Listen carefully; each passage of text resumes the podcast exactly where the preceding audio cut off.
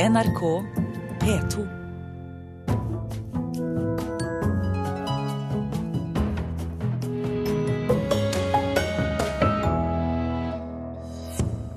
En hån mot de etterlatte etter 22.07, sier far til Utøya-offer. Festspillene i Bergen får krass kritikk for å vise stykket om Anders Behring Breivik.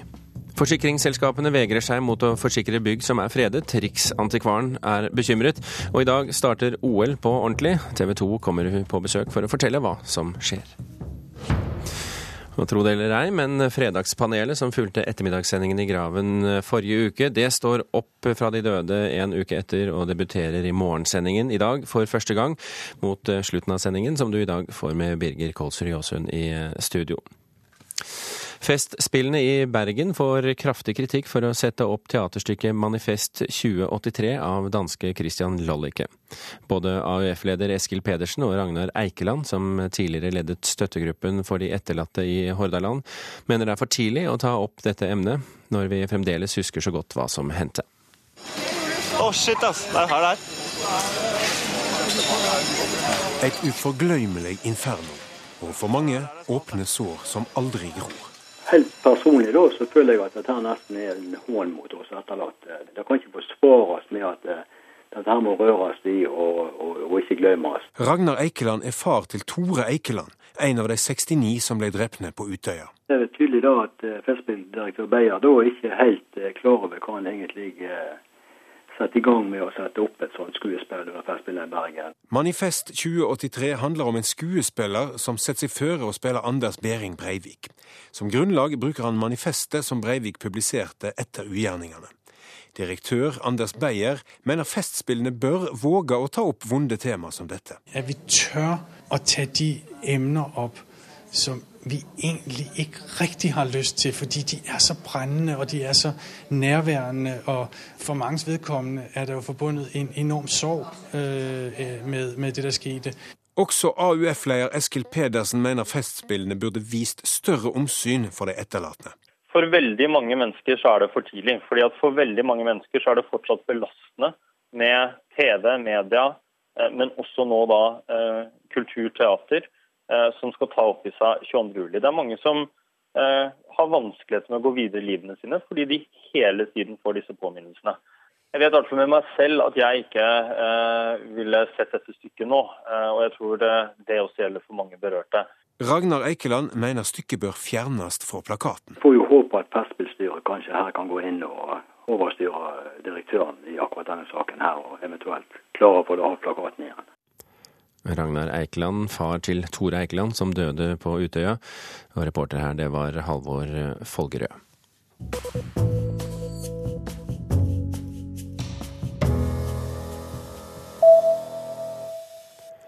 Etter 22 år tok den amerikanske talkshow-verten Jay Leno farvel med sine seere på NBCs The Tonight Show, og det gjorde han blant annet på denne måten. Enjoyed uh, doing the monologue, been a lot of fun. The guests have been great. But I got to tell you, the real fun for me is performing with our musical guests. I can't believe what you said to me last night. We were alone.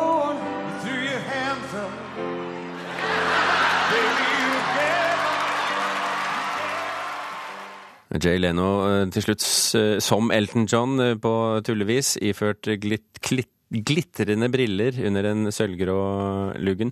Hans første gjest i studio for 22 år siden, det var countryartisten Garth Brooks. Han var selvfølgelig en av de spesielt inviterte i går. Det var også komikeren Billy Crystal. Så kan jeg jo nevne at det er kruten Jimmy Fallon som rykker opp og overtar The Tonight Show etter eh, Jay Leno. Den amerikanske TV-serien House om den asosiale, men geniale legen Gregory House forandret livet til en av eh, seerne. Det skriver det anerkjente medisinske tidsskriftet The Lancet. En lege kunne nemlig stille riktig diagnose til en 55 år gammel tysker som han hadde slitt med eh, et eh, helt år. Han hadde alvorlige symptomer. Og diagnosen den fant han i en House-episode, og årsaken var en hjertesykdom, viste det seg.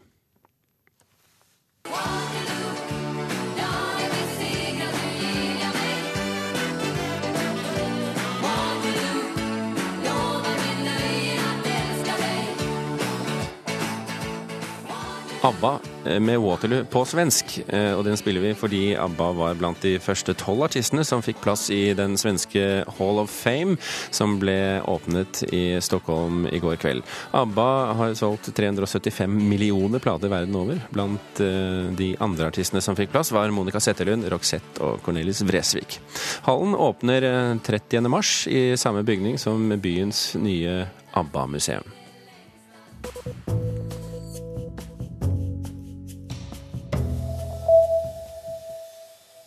I dag, 7. februar, starter offisielt de 22. olympiske leker, i år i den russiske byen Sotsji. Men nytt av året. Lekene sendes på TV 2, ikke NRK. Og et par øvelser har allerede kommet i gang, slopestyle og kunstløp. Og i den anledning, velkommen til Kulturnytt, kommunikasjonsdirektør i TV 2, Rune Indre. Takk for det. Hvordan er stemningen i TV 2 i dag? Stemningen er veldig god, til tross for at uh, vi fikk noe kritikk i går kveld. Så uh, er vi godt forberedt til uh, OL, og dette skal bli gode sendinger. Og det du snakker om da, det er altså kritikken som tilfalt kunstløpkommentatorene. Noe kritikk, mm, sier du. Massiv kritikk, kan man også si? Ja, jeg tror det kommer til å bli mye fokus på våre sendinger også de nærmeste dagene. Både ris og ros. Eh, vi har tatt høyde for eh, dette under OL. Dere har jo valgt da å bruke ikke bare eh, erfarne sportskommentatorer Eh, til å kommentere under OL. Eh, hvilke, eh, hvilke bakgrunn har dere Hva, har dere tenkt i, i den sammenheng? Hvis du ser på det totale laget av kommentatorer under OL, så er det kompetanse absolutt. Men vi har likevel valgt å bruke noen som, som har en, en, en, litt annen bakgrunn. Men vi har veldig mange solide folk som har jobbet med Eh, dette over veldig mange år. Det var altså Christer Tornell og Dorte Skappel som fikk som hatten passet i går. Har du tro på at de skal kunne reise seg og, og komme bedre tilbake? Ja, det tror jeg. Det var en del nerver i går. Eh, det var starten på det hele, og eh, dette tror jeg kommer til å gå veldig bra. Hvilke øvelser kommer TV 2 til å legge spesielt vekt på fra, fra Sotsji? Nei, Vi har et, et veldig bredt tilbud fra uh, Sotsji. Uh, vi har selvfølgelig uh, hatt i tankene de sendingene som NRK har levert fra OL opp gjennom årene. Det har vært fantastiske uh, sendinger. Og vi dekker nå OL på tre av våre kanaler, og vi vil sende det meste av døgnet.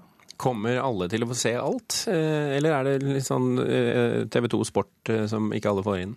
Nei, her har vi eh, åpnet opp, eh, også på, på nett. Eh, vi eh, ønsker at alle skal ha tilgang til det vi produserer fra Sotsji. Enkelte har fryktet Indrøy, uh, at spennende øvelser skal bli avbrutt av reklame, som jo, som jo skal finansiere dekningen deres. er det noe i den frykten? Nei, Interessant nok så har jeg fått de fleste spørsmål om dette fra ansatte i NRK, eh, som åpenbart eh, eh, tar på seg en oppgave der man er litt bekymret på nasjonens vegne. Vi har fått et mer fleksibelt reklameregelverk å forholde oss til. Det var også Kulturdepartementet veldig opptatt av. Eh, og vi kommer til å ha seerne i fokus her. Altså Hvis vi bommer på disse tingene her, så vil det utelukkende gå utover TV 2. Men så har vi jo hørt at SV i dag ønsker å legge begrensninger for bruken av reklame. Er det noe um, du tar på alvor?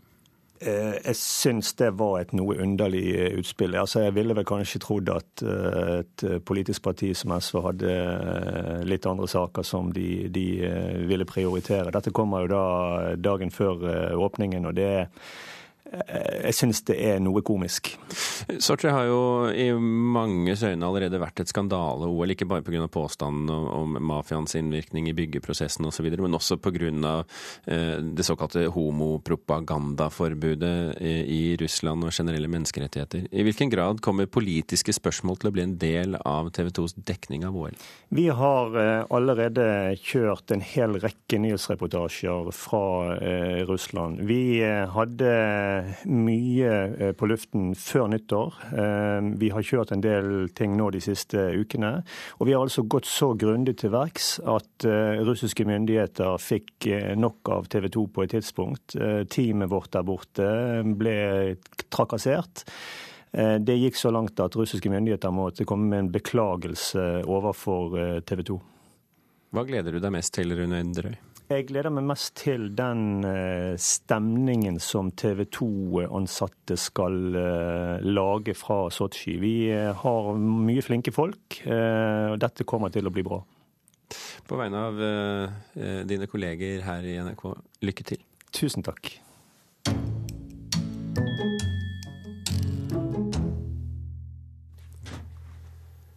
Forsikringsselskapene vegrer seg mot å forsikre bygg som er eh, fredet. Problemet er nå så stort at riksantikvar Jørn Holme ber forsikringsbransjen om å slutte å forskjellsbehandle eierne av fredede bygg og andre. De er veldig bekymret, eh, og det er ingen grunn til at eh, de som eier fredede bygninger skal ha dårligere forsikringer enn andre. Ikke minst også fordi at Riksantikvaren har garantert at eh, merkostnadene skal betales av det offentlige ved, ved skade. Likevel blir Riksantikvaren kontakta av mange eiere av freda bygg som ikke får forsikra bygga sine, eller får tilbud om skyhøye forsikringspremier. Mange tar også kontakt med foreningen Fredet, sier styreleder Knut Aall. Fleste selskaper i dag ønsker ikke å ha fredede bygg inn i sin portefølje. Og eh, dermed så står de igjen kanskje bare med et par selskaper eh, med liten konkurranse. om og de velger også å prise seg veldig høyt for å si, møte den risikoen det er ved å forsikre et fredet hus. En person opplevde at forsikringstilbudet økte med 45 000 kroner da forsikringsselskapet fant ut at bygget var freda. Aall sier mange eiere er fortvila over situasjonen. Det at ikke du får forsikret huset, det det er jo ikke alle som tør si det verken til banken eller til uh, sin nærmeste familie, og det er en uh, vanskelig situasjon. For tre uker siden var hele den verneverdige trehusbebyggelsen i Lærdal truga av brann. Et freda hus brant ned til grunnen, og tre andre verna bygg ble totalskadde i storbrannen. Forsikringsbransjen har erfart at det koster å reparere skader på freda bygg. Derfor blir det skilnad i forsikringspremiene, sier leder for skadeforsikringsområdet i Finans Norge, Geir Trulserud. For freda bygninger har det vært mye eh, arbeid for å tilfredsstille antikvariske myndigheter. Slik at uh, Over mange år så har det blitt opparbeida en, eh, en, konsekvens av uh, disse skadene som har uh, vært veldig kostbare. og Ergo så har forsikringsselskapene satt premie i forhold til den kjente risikoen. Men Riksantikvar Holme sier staten garanterer for ekstrakostnader om et freda bygg blir skadd og må føres tilbake til opphavlig stand. Det har han ment forsikringsbransjen og kulturstyresmaktene på i brevs form. Vi kan også bestemme oss for å ikke restaurere eksempelvis det skadede rommet fullt og helt. Da blir det en vanlig utbedring uten at man tar vare på historiske lag. Eh, men hvis vi bestemmer oss for at ja, dette rommet er såpass viktig å, å, å tilbakeføre, så tar vi ekstrakostnadene utover det en fullverdiforsikring dekker. Men garantien har ikke fungert, mener Trulserud. Det er ingen som ser effekten av det markedet, som jeg kan begripe. Og da vil uh, selskapene operere som om ikke noe har skjedd, før de på en måte ser at dette virkelig slår til, at Riksantikvarens midler blir brukt. Reporter her, det var Eva Marie Felde. Klokken er 16,5 minutt over åtte. Du hører på Kulturnytt, og dette er toppsaken i NRK Nyheter akkurat nå. Egne psykiatriambulanser skal sørge for at politiet ikke må bruke så mye tid på å hente psykiatriske pasienter. I dag er det ventet at Statoil vil presentere kraftige kuttplaner som vil ramme mange norske bedrifter. Og i Bosnia er over 100 politifolk skadd i demonstrasjoner og opptøyer i byen Tusla nord i landet.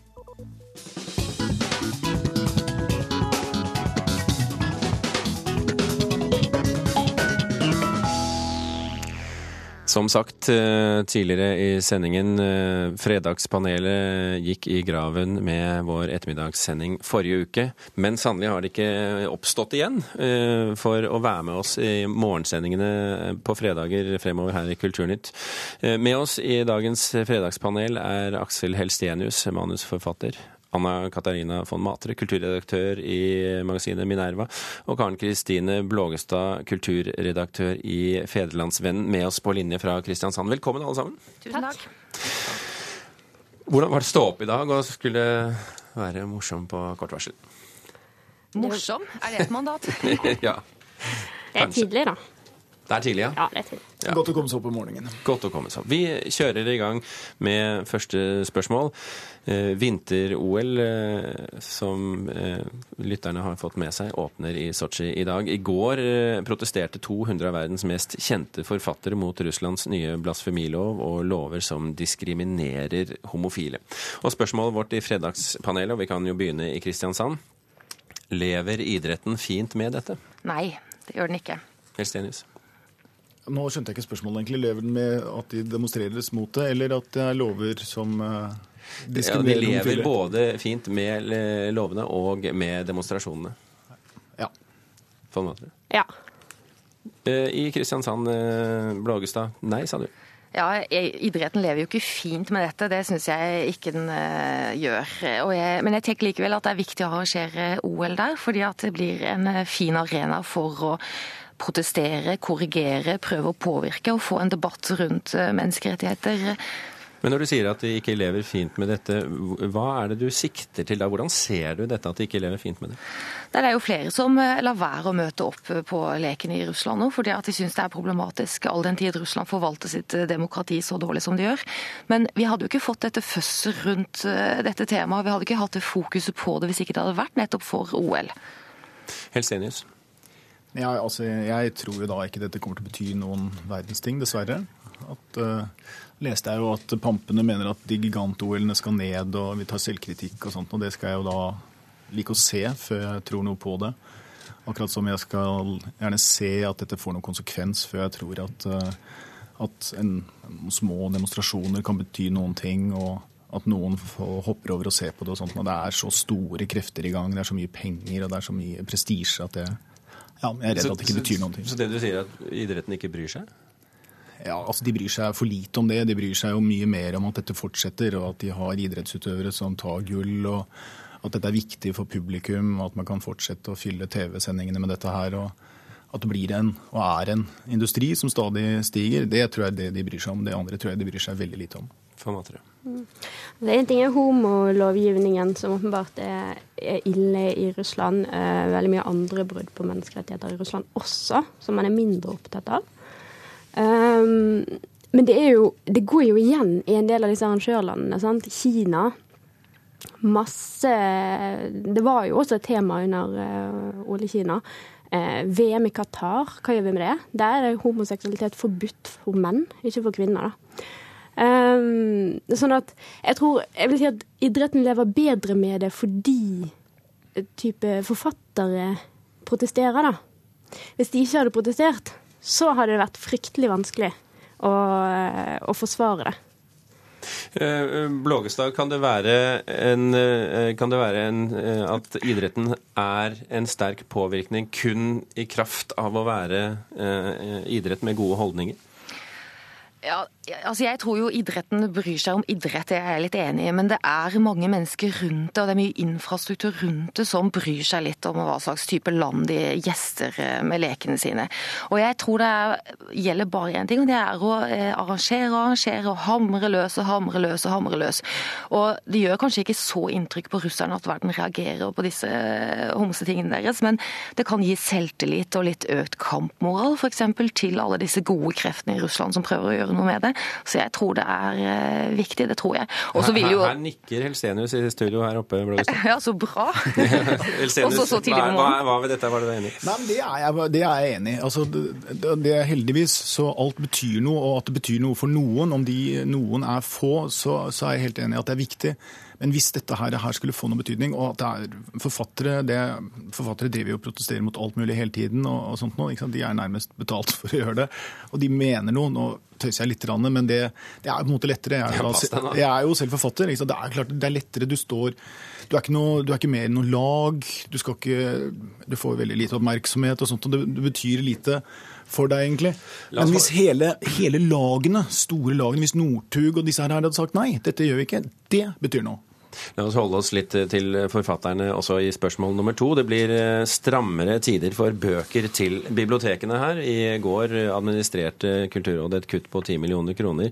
Eh, Bibliotekforeninger, eh, Bibliotekforeningen sa selv denne uken at det sendes ut mange bøker som ingen vil lese. Og spørsmålet er, vi kan begynne med von Matre, gis det ut for mange bøker i Norge?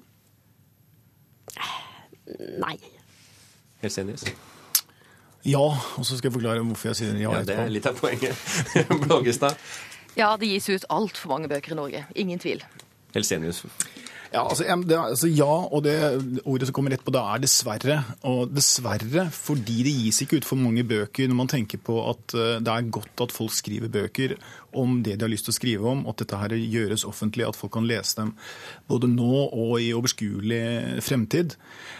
Ja, dessverre fordi det nå blir mindre og mindre butikk i dette. her. Forlagene er nødt til å innskrenke. Folk leser mindre, folk kjøper mindre. Det er mindre omsetning av bøker, og også norske bøker. Og ja, fordi at det gis ut for mange helt irrelevante bøker, om, altså kokebøker f.eks. Ja, eh, litt enig med deg, eh, egentlig. Men det er vanskelig å si at det gis for mange bøker eh, som et tall. Eh, absolutt tall, så er det veldig vanskelig. Og det vil jo bare øke med selvpublisering. Så vil jo tallet øke.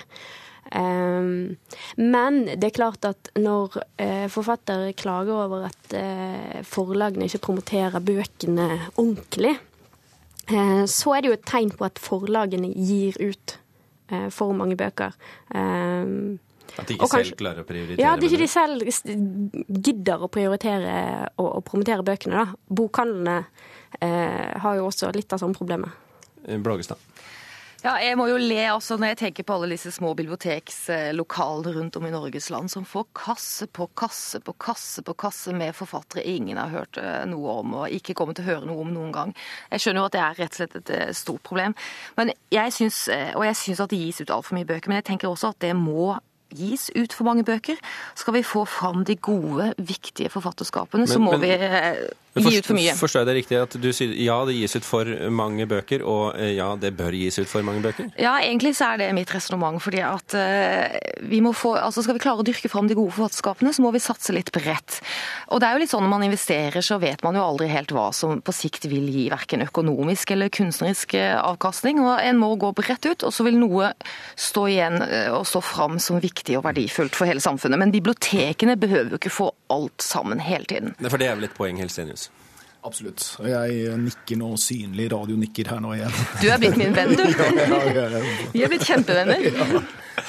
Nei da, det er eh, men også bare hvis jeg lynkommenterer det, for jeg leser jo da veldig mye research i min skriving og sånt nå, og jeg er jo utrolig takknemlig for at jeg har gitt ut bøker som ingen vet noen ting om. Jeg visste sikkert ikke da de kom ut heller, men jeg finner dem. Og jeg har bruk for dem, og at de ble skrevet på den tiden, og at de i det hele tatt ble gitt ut, er viktig. Syns du dette er et godt argument, Matre?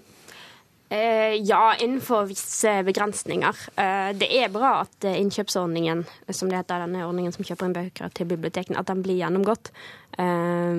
Fordi de får, de får mye bøker som ikke blir lest, og det kan hende at vi bruker litt for mye penger på det. Hvis vi, hvis vi stopper der, så rekker vi et spørsmål til. Skal vi gjøre det? Ja, OK. Nettstedet Facebook ble ti år gammelt denne uken. Spørsmålet er enkelt og kort, og vi begynner med Elstenius. Er Facebook kommet for å bli? Ja. Matre? Eh, ja. Blågestad? Ja, i en eller annen form. Ja. Eh, hva mener du med 'i en eller annen form'? Nei, Jeg mener at, den, eh, at, det sikkert ville utvikle seg veldig og bli annerledes, få nytt design, få nye funksjoner, hva som helst. Eh, få litt endrede brukergrupper kanskje og sånn, men jeg tror at det er et par generasjoner som har trykket Facebook og den måten og den kulturen veldig til sitt hjerte.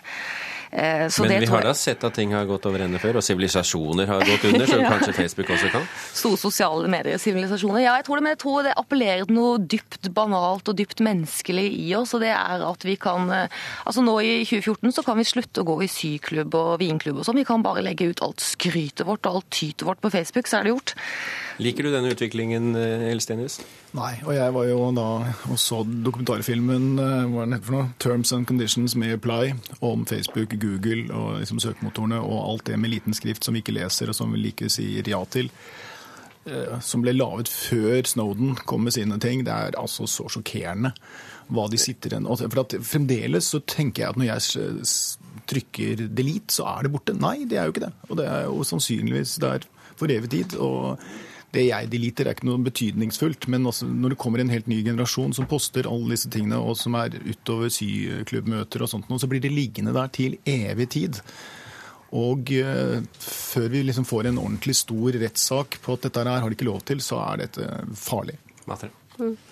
Uh, ja, én ting er personvernet. Uh, og, men man ser jo at selv om man snakker om at det er en del sånne konkurrenter som tar igjen Facebook nå, som alle ungdommene er på, så se, hvis, du, hvis, du, ser på sånne kart over Facebooks utbredning, så er det jo faktisk altså fortsatt mye, mye større enn alle de andre.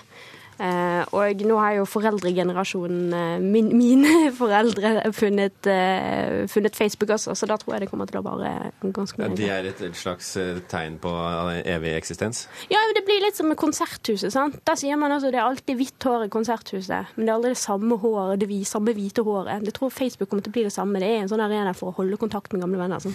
ja, det samme håret, ok. samme håret på Facebook. Ja, det var en fin måte å, å runde av på. Vi har sikkert sikret Facebook evig liv. Karen Kristine Blågestad, Anna Katarina von Matre og Aksel Helstenius. Eh, tusen hjertelig takk eh, alle sammen for at var, dere var med dette nybrottsarbeidet, nemlig Fredagspanelet på morgenkvisten. Vi prøver oss igjen neste fredag. Vi, I mellomtiden så blir det andre ting eh, på radioen. Janne Mari, Marianne Myrhol. Gjermund Jappé og Birger Kåsrud Aasund takker for følget. Hør flere podkaster på nrk.no podkast.